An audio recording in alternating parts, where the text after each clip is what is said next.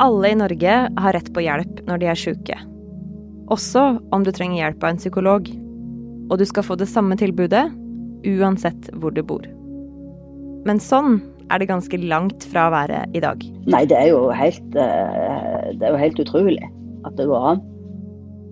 Du hører på Forklart fra Aftenposten. Jeg heter Anne Lindholm, og i dag er det fredag 7. mai.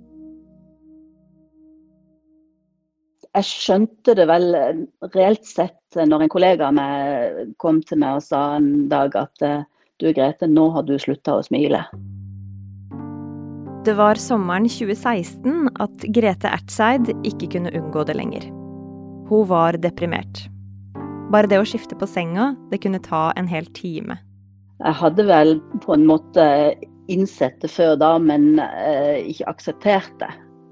Fordi at at eh, jeg visste hvilken eh, vei jeg hadde å gå, for jeg har vært gjennom det en gang før. Så da kollegaen sa det i klartekst, så visste hun at hun måtte be om hjelp. Jeg var jo fysisk sliten. Jeg sleit med skuldre og, og mye vondt. Og, og, hadde begynt på en prosess mot å bli operert i skuldrene og, og, sånne ting. Og, jeg hadde slitt over lengre tid med, med motivasjon i jobbsituasjonen. og og litt andre ting utenom det òg. Så, så, jeg var generelt fryktelig sliten. Og det viste seg jo rett og slett at jeg faktisk var utbrent. Men Grete er langt fra aleine om å ha det sånn. Ifølge tall fra VG så ble nesten 140 000 mennesker i Norge henvist til psykolog i fjor. En av dem var Kim Remi Sandvær i Lofoten. Han jobba som sykepleier i psykiatrien sjøl, men også i hans tilfelle så var det noen andre som merka det først.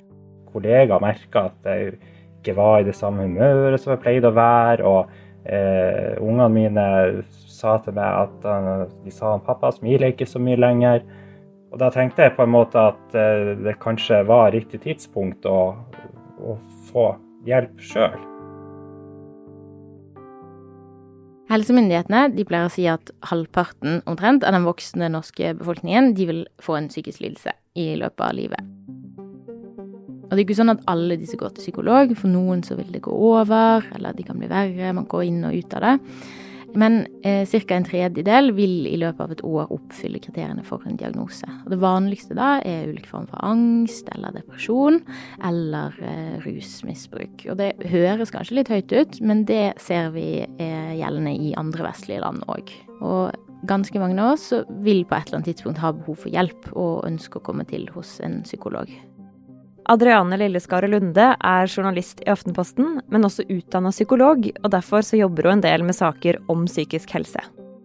Både Grete og Kim Remi gikk den vanlige veien for å få hjelp. Som ofte begynner med fastlegen og en henvisning. Hvis du har lette eller milde plager, at du trenger noen å snakke med for å komme deg over en liksom vanskelig periode, eller du er litt langt nede, så kan det være fint å henvende seg til det som heter førstelinjetjenesten. Og Det er f.eks. tilbud som Rask psykisk helsehjelp eller Ungarena i kommunen. Og det er gratis lavterskeltilbud der du ikke trenger noe henvisning for å komme til. Men disse tilbudene er ofte begrenset i omfang og hvor lenge de varer. Og det er sjeldent nok hvis du har kompliserte og mer alvorlige vansker. Og da er det mange som henvender seg til fastlegen for å prøve å komme til hos det som heter andrelinjetjenesten. Eh, og hvis du er under 18 år, så blir du da gjerne henvist til det som heter BUP. Og hvis du er over 18, så, du, så er det DPS som gjelder. Det, det står for Distriktspsykiatrisk senter. Men da fikk jeg klar beskjed om at det kan du bare glemme. Du er ikke syk nok. Du skal være ganske syk for å komme til hos en DPS, og de kan ikke alltid gi så veldig lang behandling. Så hvilke alternativer gjenstår da? Hvis du har mye penger, så kan du gå privat og betale 1100-1200 kroner per time. Men det er jo ikke alle som har anledning til å betale det over lengre tid, og da er avtalespesialist en veldig god løsning for mange. Men å få en avtale der, det er ikke bare bare. For det her, det er en ordning som har stått stille i over 20 år. Og det var sånn å, herre freden, hvor skal du begynne henne?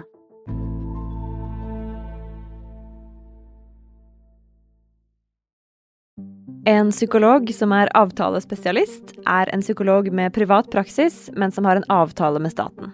sånn at de som går dit, bare betaler en egenandel, og når man til sammen har betalt mer enn 2500 i egenandel til helsevesenet, så får man frikort resten av året. Og da blir timene gratis. Jeg er selv utdannet psykolog og vet at det har vært veldig mange forsøk på å bedre denne ordningen for avtalespesialister. Den har ikke vært god nok, det har ikke vært mange nok psykologer, og de som har vært, de har vært skjevfordelte. Og dette har vært oppe til politisk debatt mange ganger. Det har stått i Sundvolden-plattformen at regjeringen vil øke antall psykologer. Det sto i Jeløya-plattformen, i Granavolden-plattformen. Så jeg ønsket å undersøke hva som egentlig har skjedd. Har det blitt noe bedre, dette her? Og fant da at i 1998, da denne ordningen ble innført, så var det 420 psykologer på landsbasis. Behandlingskapasiteten den er uendret, selv om behovet for hjelp er stort, og kanskje ekstra stort nå under pandemien. Så om du trenger hjelp av en avtalespesialist, så er det vanskelig å finne noen som har tid. Hvis du da er hos uh, legen din og ønsker å komme til hos en avtalespesialist, så er det sånn at du skriver uh, gjerne i samråd med legen, eller at legen skriver en henvisning for deg. Uh, og så får du en liste fra fastlegen din med alle psykologene som er tilgjengelig der du bor. Og da fikk jeg den med meg, og så fikk jeg beskjed om å gjøre jobben sjøl. Og jobben besto jo da i å gå inn på kommunens sider for å finne oversikt over avtalespesialister. Og så måtte jeg sjøl skrive brev til et utvalg, og hun anbefalte 15-20 stykker. Og det var jo nedslående de få svarene jeg fikk. De, første, de, fleste svarene gikk jo på at eh, de hadde fulgt, og ventelistene var fulle. Det var ingen vits å prøve, liksom. Det finnes ikke noen sånn nasjonal rapportering for ventelisten. Det eneste man vet, er at Psykologforeningen sier at ingen stort sett har noe under seks måneders ventetid. Ja, Så du må vente i hvert fall et halvt år på hjelp? Ja. Eh, og hvis du da skulle være så heldig å komme til hos noen, så er det fare for at de holder til ganske langt unna deg. At du må reise et stykke. Eh, og for mange så er det kanskje litt sånn som Grete sier, at når du er så syk at du faktisk trenger hjelp, så har du ikke krefter til å finne frem i systemet sånn som det er i dag. Du trenger hjelp til å få hjelp, og det er ikke alle som vet hvor du finner den. For Grete sier hun f.eks. gjerne skulle visst at tjenesten Velg behandlingssted finnes. Det hadde jo gjort alt mye lettere. Da hadde jeg sluppet å skrive 20 brev til folk som ikke var interessert i å snakke med meg. Så, så en del sånne ting. At det, er, at det hadde vært eh, noen som kan hjelpe dem å få hjelp. Men til slutt, etter en tur hos en psykolog hvor kjemien ikke stemte, så fant Grete noen som kunne hjelpe. Jeg syns det, det, å ha noen å, å kunne prate med om, om, alt som ikke kjenner deg, og som derfor heller ikke dømmer deg på noen måte, det syns jeg er veldig godt. Ja, det, det, det, blir på en måte faktisk som å, å snakke med en god venn med det at du, du, vet at det er ingen som dømmer deg, at det er bare noen som vil deg vel. Og det er mange som finner ut at en avtalespesialist er løsninga. Det er en populær ordning, særlig fordi det er mye billigere enn å gå privat, og fordi du kan få behandling over lengre tid enn det du kan på DPS. I fjor, i 2020, så utgjorde de 25% av all samtalebehandlingen i Norge i spesialisthelsetjenesten. Så de er rett og slett selvstendig næringsdrivende som har fått støtte av staten. Og ideen er at de skal samarbeide med sykehus, sykehus og kommune for å gi pasienter rask og effektiv spesialisthjelp. Så tanken er at de skal utjevne forskjeller i tilgang på hjelp. Men gjør det det? Utjevner det forskjeller i tilgang på hjelp av sånn som ordninga er i dag? Nei, altså loven sier at tilbudet skal være likeverdig. At hvis du trenger hjelp, så skal du ha omtrent samme mulighet til å få det uansett hvor du bor. Og dette er en avtale som skal liksom bidra til å utjevne eh, forskjellene. Men sånn er det ikke, og det gjør ikke det i dag. Og Riksrevisjonen kritiserte dette allerede i 2014 i en rapport, der de sa at uh, disse avtalespesialistene de ligger i, primært i sentrale områder av landet. Og undersøkelser som har vært gjort etterpå, viser at bruken av dette tilbudet er lavest på minst sentrale steder. Og det er ikke fordi at de ikke trenger hjelp på bygda, men trolig fordi at tilbudet er dårligere her. Så hvis du har et godt tilbud der du bor, så bruker du det mer. Men Riksrevisjonen de mente at uh, tilgangen ikke reduserer eh, geografiske skjevheter, og at det til og med forsterker den enkelte, enkelte steder. Så det er rett og slett ikke sånn at alle får hjelp der heller. Jeg kjente meg jo ganske eh, fortvilt i en situasjon der jeg kjente på et, et behov for å, for å, få noe hjelp og, og, på en måte komme meg litt videre. Eh, og så var på en måte ikke den hjelpen der jeg, jeg trengte den. Eh, og det som på en måte ble kan si, redninga i mitt tilfelle, det var en privat helseforsikring som jeg hadde.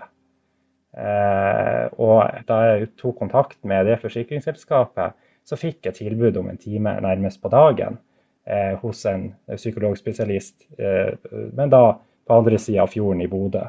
Eh, og jeg måtte jo sånn sett betale både, både reise dit, og, og det her var eh, i den tida da ganske mye var, var, nedstengt, og det var få flyavganger og i det hele tatt, så det endte ofte med overnatting.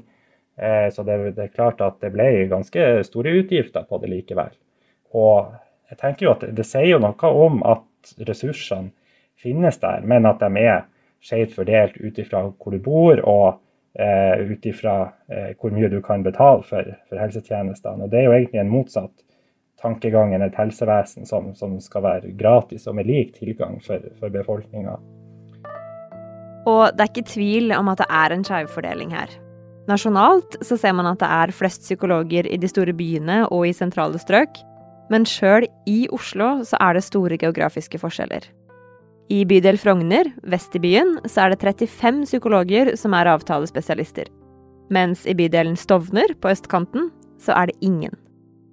Og i Søndre Nordstrand, der hvor Grete bor, så er det bare én. Så for å komme til psykologen, så måtte hun reise én time hver vei. Og sjøl om det ikke er så mye når du er frisk, så tar det på når du er sjuk. Det tar mye energi. Og det Jeg tror du må ha vært i situasjonen for å kunne skjønne det. For det er så uvirkelig for vanlige folk at det å skulle sette seg på T-banen og sitte stille i en halvtime, at det kan være slitsomt. Men altså Det er masse lyd, det er mye som skjer rundt deg. Det er, det er anstrengende når du faktisk ikke har så mye å gå på. Psykologforeningen de sier at denne skjevheten må rettes opp i så fort som mulig. Men de sier òg at det ikke bare holder å flytte rundt på noen stillinger. De mener at det totalt er altfor få psykologer, og at antallet må økes. Faktisk så mener de at det må dobles. Eh, og så må disse psykologene da plasseres i områder hvor folk ikke får hjelp. Og dette er noe de har sagt lenge. Eh, og fagpersoner jeg har snakket med, sier òg at de savner psykologer i bydelene sine, og at det er vanskelig å henvise når det bare er fulle lister og lang reisevei for pasientene. Men hvorfor er det så skeivt fordelt? Eh, ifølge Helse Sør-Øst så er det fordi at Eh, da de privatpsykologene ble en del av dette, denne offentlige helsetjenesten i 1998, så hadde de fleste praksiser på vestkanten i, i Oslo. Eh, og denne driftsavtalen den varer helt til psykologen blir 72 år, altså at de går av med pensjon. Med mindre de slutter før, og det er det veldig få som gjør. Um, og først da blir liksom en, det vi kaller en hjemmel ledig, og da kan denne hjemmel eller stillingen flyttes. Og det tar lang tid å gjøre noe med. Det er ikke alltid så lett å rekruttere i østlige bydeler, sier Helse Sør-Øst, men de jobber med det. De sier de har tatt til seg kritikken fra Riksrevisjonen. Uh, så det skjer noe, men det skjer veldig sakte. Og nye psykologer virker ikke å komme til med det første. Helse Sør-Øst de sier at de må utrede mer. Mm. Men altså, prioritering i helsevesenet er jo til slutt en politisk beslutning.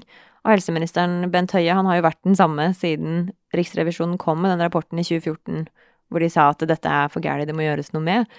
Hva, hva svarer han på at det ikke har skjedd?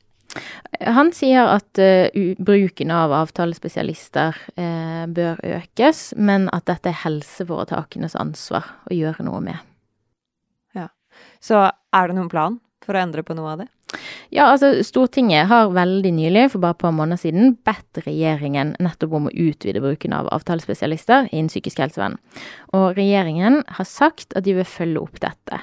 Men det har regjeringen sagt før, uten at det har skjedd noe. Så vi får bare vente og se hvordan det går. Sjøl om det kan være en lang prosess fra du ber om hjelp til det øyeblikket du sitter i en behandlingsstol, så er både Kim Remi og Grete enige om at hjelpa gjør det bedre. Jeg opplevde å få veldig god hjelp og, og riktig hjelp. Eh, og eh, på en måte fikk en, fikk en, en god relasjon til, til, den behandleren. For Grete så er behandlinga over nå, og hun klarer seg sjøl. Og på den sosiale biten så er det særlig én som har vært til god hjelp. Han er veldig nysgjerrig og lurer på hva som skjer her. Hei, Stassen. Kan du komme? Kom. Kom. Å, nå må han strekke seg litt. han, han tasser veldig. ja. Det, det, er første gang jeg har valp. Jeg har hatt uh, tre omplasseringshunder før. Og det å ha valp er noe helt annet. ja. Og hva er det der? Ja, har pluggene mine ja. Men det er jo det er jo terapi på fire bein, det er jo det.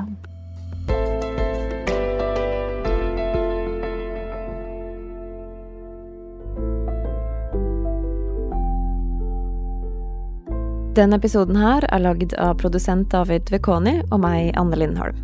Resten av Forklart er Ina Swann, Fride Nonstad, Marit Eriksdatter Gjelland og Karoline Fossland.